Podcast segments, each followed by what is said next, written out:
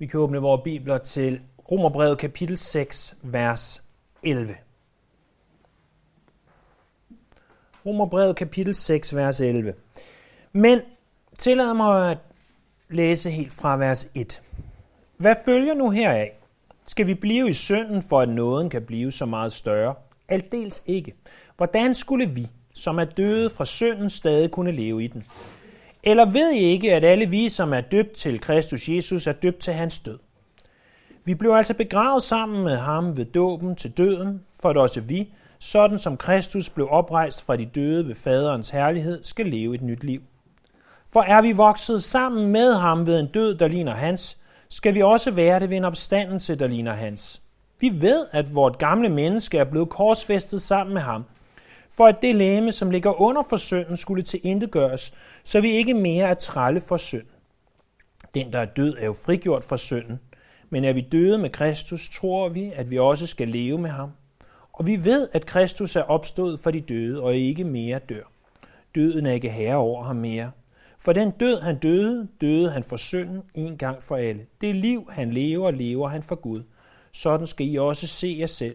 I er døde for synden, men levende for Gud i Kristus Jesus. I dag runder vi et skarpt, skarpt hjørne. Indtil nu, fra vers 1 i kapitel 1 og til det 10. vers i kapitel 6, har det så at sige kun været lære, doktrin, dogma, kald det hvad du vil. Øh, men det kan også være, at det for nogen har været som en lang tur op ad bakke. At få sandhed serveret på sandhed på sandhed på sandhed. Det minder mig om en gang, hvor jeg med min familie i mine øh, sene teenageår var på en bjergbestigning. Sådan en enkelt dags tur, hvor at, at vi satte os for at skulle bestige Nordeuropas højeste bjerg, nemlig Gal Galhøpikken i Norge.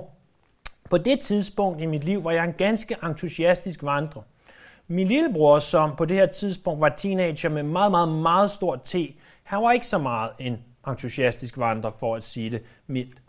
Og, og i det vi begynder at bestige det her bjerg, så vil han bare have det overstået. Jeg forsøger at nyde det, jeg forsøger at, at suge det alt sammen ind, han vil bare have det overstået. Og fordi han vil have det overstået, så kigger han op ad bjerget og tænker, at hver gang han ser noget, der ligner en top, så er han ved at være der. I hans uvidenhed. Fordi han løber op til toppen hver gang blot for at indse, at han var langt fra nået toppen. Og det gjorde han så en 17-18 gange, indtil vi endelig langt om længe stod i 2469 meter over havet og var på den faktiske top. Sådan føler vi det nogle gange, når vi læser Romerbrevet. Vi kommer der, og vi læser, og vi får læresætning serveret på læresætning. Og, og det virker som om, vi aldrig når toppen.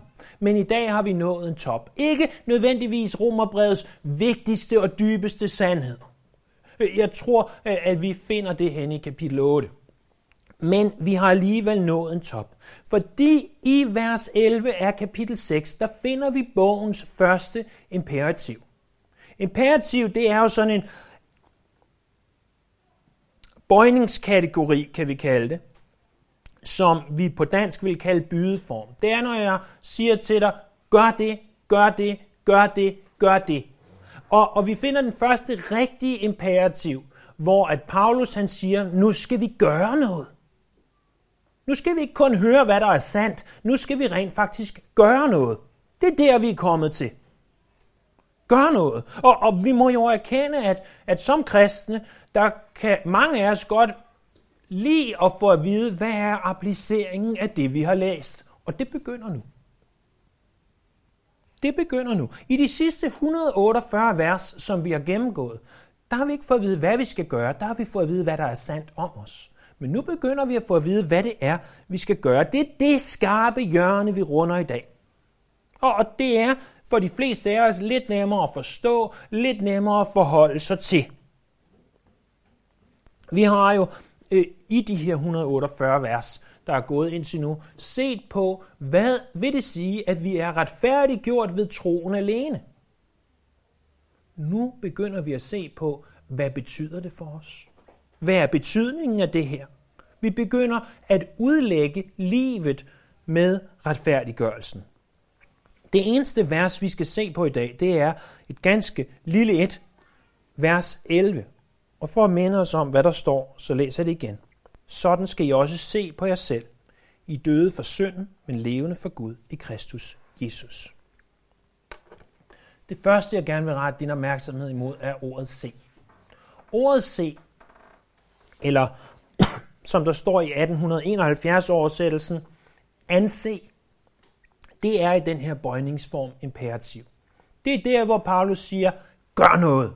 Se på jer selv. Vi har faktisk allerede mødt det øh, grundformen af det her ord adskillige gange i Romerbrevet. Det er faktisk 15. gang, det bruges, det originale græske ord. Og i særdeleshed i kapitel 4 så vi det brugt rigtig mange gange som ordet tilregne. Det oprindelige græske ord er et bogholderiudtryk. Det betyder noget i retning af at regne på noget, regne med noget. Som de fleste af jer er klar over, er, at når jeg ikke står her, så befinder jeg mig jo i bogholderiets verden som revisor. Og hvis der er en ting, som jeg næsten fik ind med modermælken, så er det, at i øh, bogholderiets verden, der handler tingene om, at det skal stemme. Og øh, det eneste, vi egentlig bekymrer os om, det er, om tingene stemmer. Om det er sandt, om det er rigtigt. Øh, desværre, som de fleste af jer nok også er klar over, er bogholderiets verden temmelig følelsesforladt. Og, og enten stemmer banken, eller også så stemmer banken ikke. Enten er det rigtigt, eller også er det forkert. Øh, enten så øh, har man lavet det, så det passer, eller også så har man lavet det, så det ikke passer. Der er ikke nogen mellemvej. To øre fejl er stadigvæk en fejl. Og, og hvad du føler omkring øh, en, øh, om det stemmer eller ej, det er fuldstændig underordnet. Din mavefornemmelse er ligegyldig. Hvis jeg sidder som revisor for det her bogholderiarbejde, så vil jeg bare vide, om det er sandt eller ej. Om tårerne står ud af øjnene på dig, og om du føler, at det er det bedste stykke arbejde, du nogensinde har præsteret. Hvis det ikke stemmer, så stemmer det ikke. Som de fleste af jer også ved, så arbejder jeg jo stort set kun sammen med min familie. Og selvom jeg arbejder sammen med min familie, så ynder jeg at sige, at jeg stoler hverken på min mor, min kone, min far, min bror og nogen andre. Jeg vil se med mine egne øjne, at det stemmer. Jeg vil se, det er sandt. Jeg vil vide, det er sandt. Hvad de føler, der er rigtigt, og hvad de ikke føler, der er rigtigt, jeg kan ikke bruge det til noget. Sådan er bogholderiets verden. Sådan er det udtryk se. Er det sandt, eller er det ikke sandt? Det er sådan set det, ordet betyder. Vi må tage det, vi har lært i de forgængende 148 vers, og i særdeleshed i vers 1-10. Og så må vi se på, er det sandt, eller er det ikke sandt? Vi må tage og applicere det her og sige, fordi jeg er en kristen, fordi jeg er i Kristus, fordi jeg tilhører ham, så gælder det her for mig uagtet, om jeg føler det eller ej. Enten stemmer det, eller også stemmer det ikke. Der er ingen mellemvej. Det gælder for mig, uanset hvad min mavefornemmelse måtte være, uanset hvordan jeg har det den dag, uanset om jeg er syg og dårlig, uanset om jeg er glad og frisk og frejdig. Det gælder. Det gælder. Det er ordet se. Jeg vil gerne lige understrege, hvad det ikke er, det her. Fordi der står, øh, der står, at vi skal se.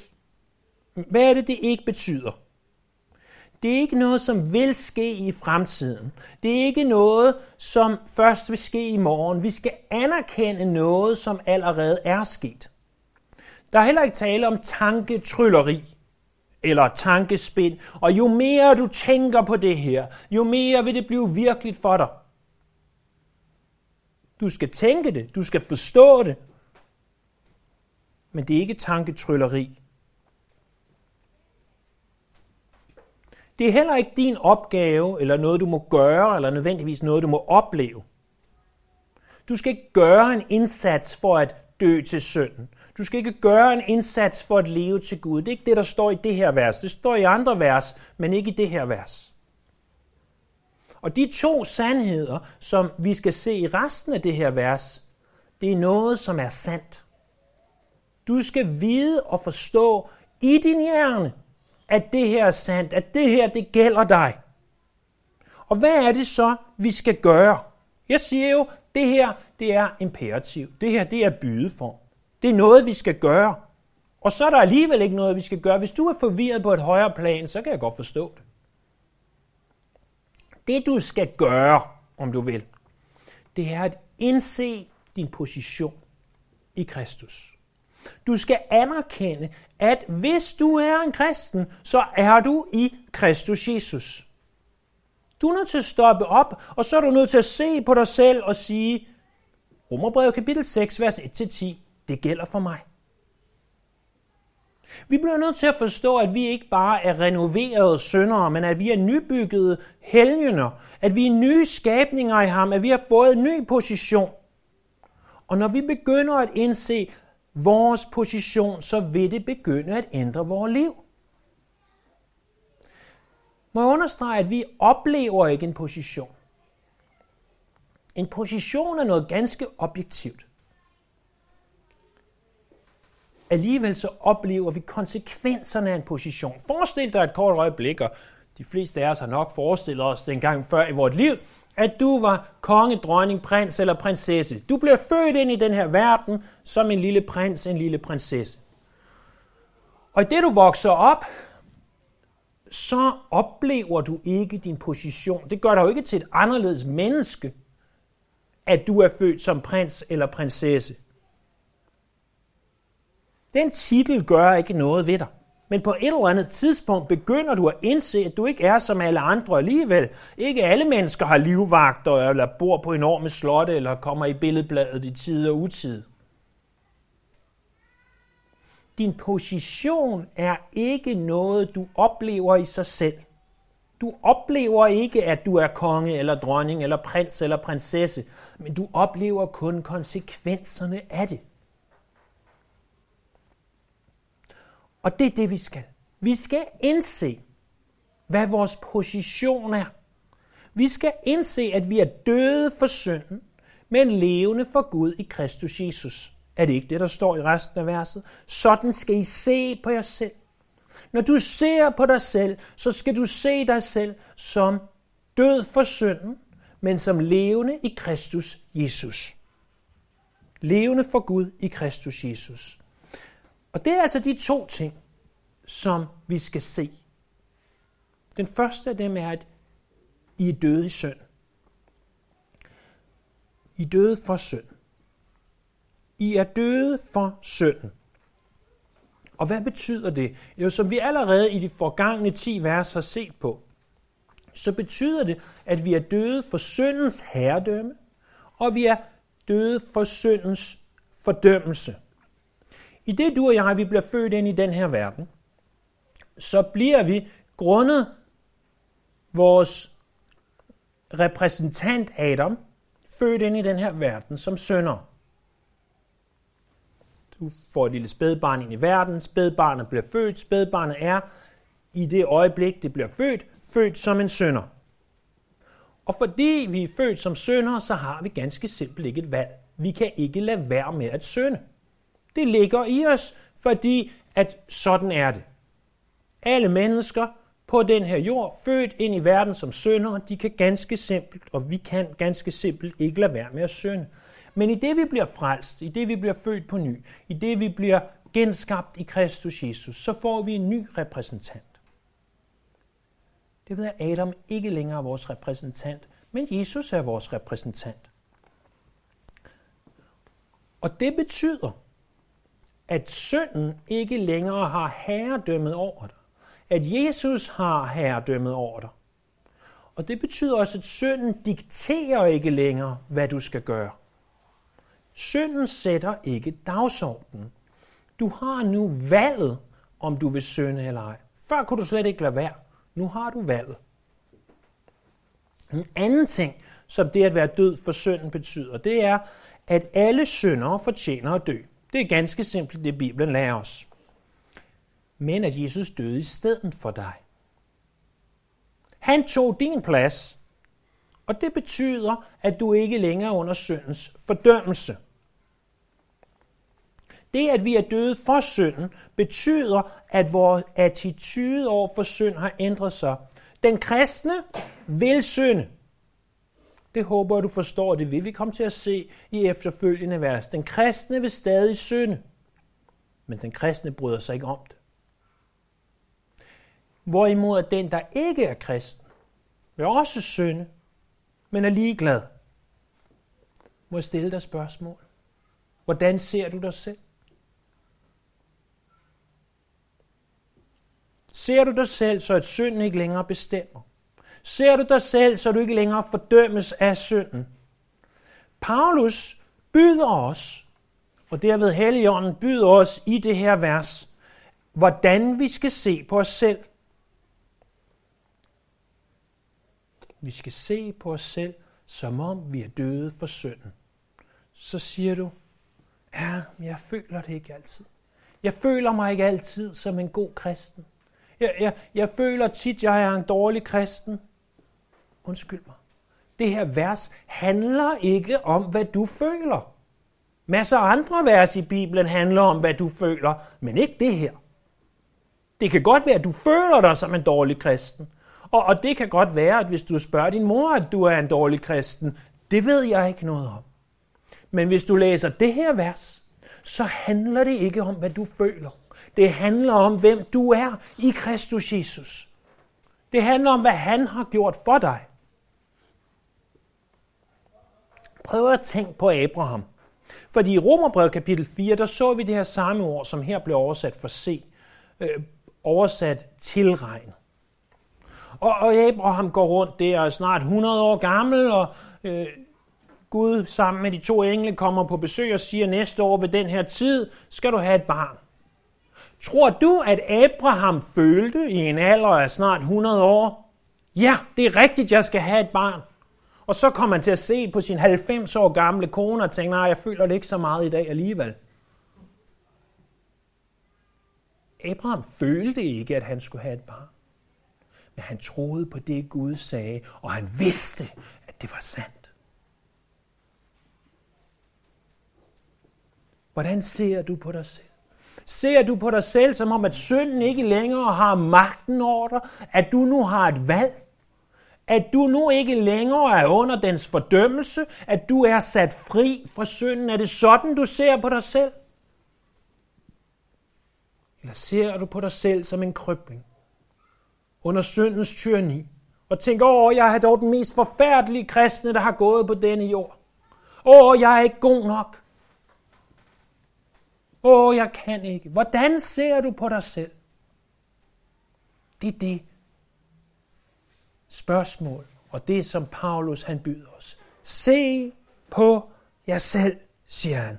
Men han siger også, at vi skal se på os selv i forhold til noget andet. Ikke kun i forhold til, at vi er døde for synden. Men han siger også, at vi skal se på os selv, at vi er levende for Gud i Kristus Jesus. Fordi sidste gang øh, talte vi jo om ganske simpelt og alligevel storslået om Jesus, og om hvem han er og hvad han gjorde. Og en af de ting, vi ved om ham, det var, at han døde på et romersk kors, men at han genopstod igen tre dage senere. Og det bliver et billede for os på, hvordan vi lever det kristne liv. Vi dør for synden. Synden har ikke længere magten over os. Til gengæld opstår vi igen, så vi kan leve for Gud. Hvordan siger du? Hvordan kan jeg leve for Gud? Det kan du i Kristus Jesus. De tre små ord, som slutter verset. I Kristus Jesus.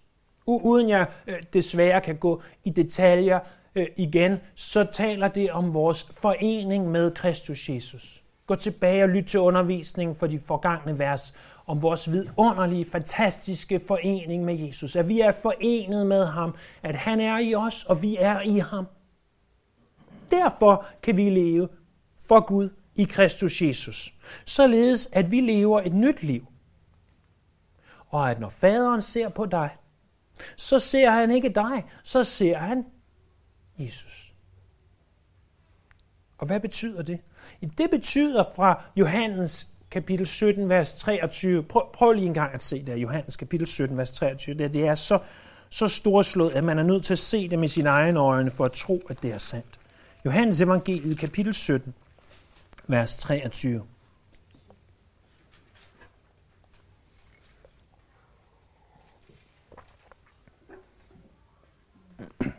Her beder Jesus sin ypperste præstlige bøn, og han siger, Jeg er i dem, og du er i mig, for at de fuldt ud skal blive et, for at verden skal forstå, at de har udsendt mig, og du har elsket dem, som du har elsket mig. Du har elsket dem, som du har elsket mig. Fordi vi er i Kristus Jesus, fordi vi er gjort levende for Gud i Kristus Jesus, så er vi elsket, som sønnen er elsket. Andre ting, vi kan sige, det her betyder, at vi er adopteret som fuldvoksne sønner, Efeserne kapitel 1, vers 5. Vi er udvalgt til hellighed. Vi er kaldet til at være hellige, fordi han er hellig. 1. Peter 1, vers 15 og 16. Og, og så, at Helligånden tager bolig i os, således at vi er åndens tempel. 1. Korinther, kapitel 3, vers 16. Må jeg spørge dig igen? I morgen tidlig, når vækkeuret ringer, og den gamle tredje mølle igen er i gang. Du skal på arbejde, børnene skal afleveres, madpakkerne skal smøres, du skal holde i kø på vej til arbejdet. Din kollega er irriterende, naturligvis ikke mine, fordi det er min familie. Og du føler dig, føler du dig så elsket af Gud. Når alt det sker. Føler du dig elsket af Gud? Føler du dig som en fuldvoksen adopteret søn? Føler du, at du er lige så elsket af faderen, som Jesus er det? Føler du det? Føler du, at du er kaldet til hellighed? Eller hvad med den her? Føler du, når du sidder der i kø, og folk overhaler, når de ikke bør, at du er fyldt, og at Helligånden bor i dig? Føler du det? Jeg er fuldstændig ligeglad med dine følelser i det her vers. Forstå det nu. Det her, det handler ikke om dine følelser. Det handler om, at vi i vores hoveder forstår, hvad der er sandt. Det er vidunderligt, når vi føler det. Misforstå mig ikke. Og du bør føle det til tider. Men ikke en mandag morgen, når alt det her sker. Du bliver nødt til at indse, at det her er sandt om dig. Du bliver nødt til at se på dig selv og sige, det er sandt. Det er sandt, at jeg er denne person i Kristus Jesus. Det er sandt, at jeg er død for synden, men jeg er levende for Gud i Kristus Jesus. Det er sandt om mig.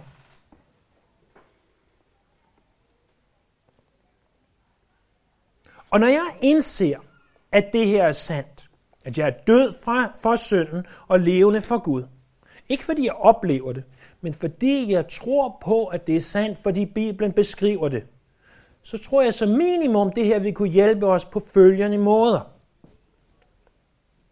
For det første, når du indser, hvem du er i Kristus Jesus, når du begynder at se på dig selv i det rette lys, så kunne du måske sige, prøv at høre, jeg har bedre ting at tage mig til, end at gå rundt at sønde. Fordi husk nu, hvad hele det her kapitel handler om. Prøv at tænke på, hvordan det begyndte. Hvad følger nu heraf? Skal vi blive i synden, for at nåden kan blive større? Paulus har i fem kapitler fortalt os, at vi er frelst af noget. Vi er frelst ikke af vores gerninger, men af, hvad Gud har gjort for os. Og hvis det er sandt, kan vi så bare gå ud og synde, som vi har lyst til, og gøre, hvad vi vil, fordi vi ved jo, at vi er tilgivet. Men når du indser, hvem du er i Kristus, når du ser på dig selv i det rette lys, at du er død for synden, men levende for Gud i Kristus Jesus, så giver det jo ikke mening at gå ud og synde løs. For du ved pludselig, hvem du er. At du er elsket af ham. At du er hans fuldvoksne søn at Helligånden han bor i dig. Og, og så tænker du på, jamen jeg er jo kaldet til hellighed, og hans ånd bor i mig, og det giver overhovedet ikke mening, at jeg har lyst til den her synd. Indse, hvem du er. For det andet, når vi falder i synd, så vil det her, så vil det hjælpe os at indse, at det her er sandt. Jeg, jeg tænker, at, at hver af os har oplevet det her, at, at vi går ud af den kristne landevej. Vi er blevet frelst, og vi tænker, jeg kan erobre verden. Lige indtil vi snubler og synder. Men hvad er det så, du oplever? Så oplever du, at selvom du har syndet, fordi du er i ham, så kan du rejse dig igen og gå videre. Fordi du er tilgivet. Men det kan også være, at du ligger der er ved at rejse dig op og tænker, åh, jeg er et forfærdeligt menneske. Jeg er den dårligste kristne, der eksisterer på den her jord. Det kan jeg godt garantere dig for, det er du ikke. Men du bliver nødt til at indse, at du som kristen er død for synden. Synden har ikke magt over dig mere. Synden har ikke herredømme over dig mere. Du vil stadigvæk synde, så længe du er på den her jord. Men synden bestemmer ikke. Den dikterer ikke dit liv. Glæd jer til Romerbrevet kapitel 8, vers 1. Der er derfor ingen fordømmelse for de, som er i Kristus Jesus. Det kan godt være, at du synder. Og, og det er ikke, fordi jeg opmuntrer til det. Men du bliver ikke fordømt på grund af det. Det betyder ikke, at du er det forfærdeligste menneske, der nogensinde har levet på den her jord.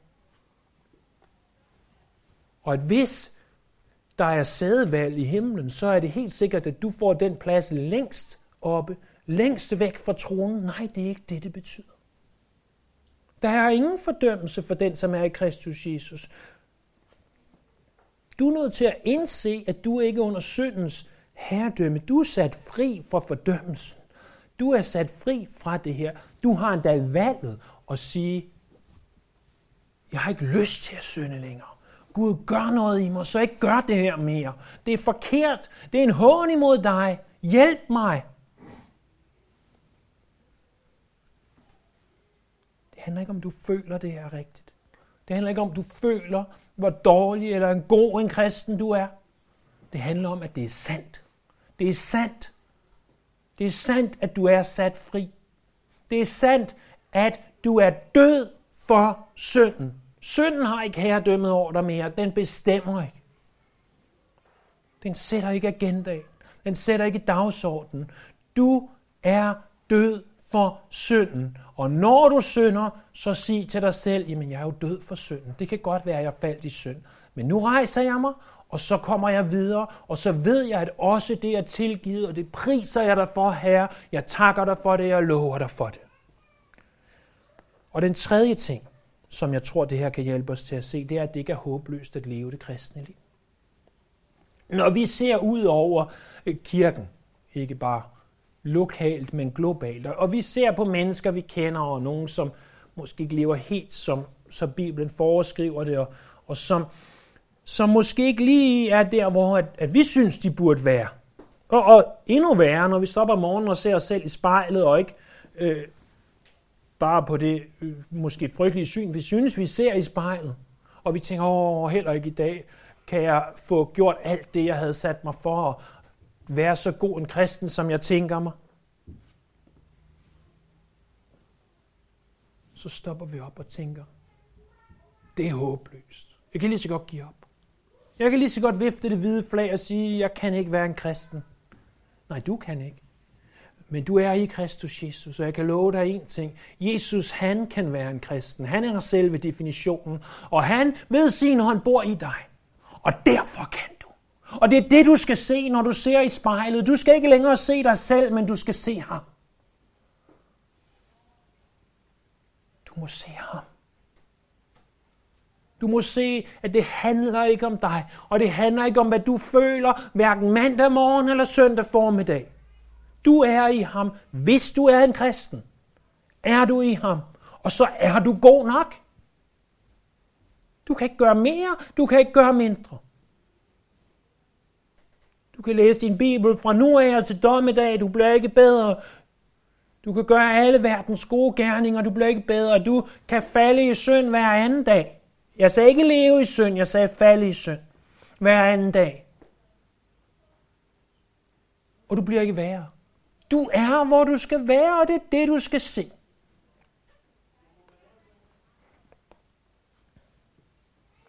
I dag der vil jeg gerne bede dig om at gøre det stik modsatte af, hvad jeg normalt beder dig om.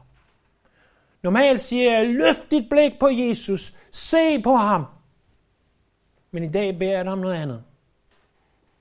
Se på dig selv.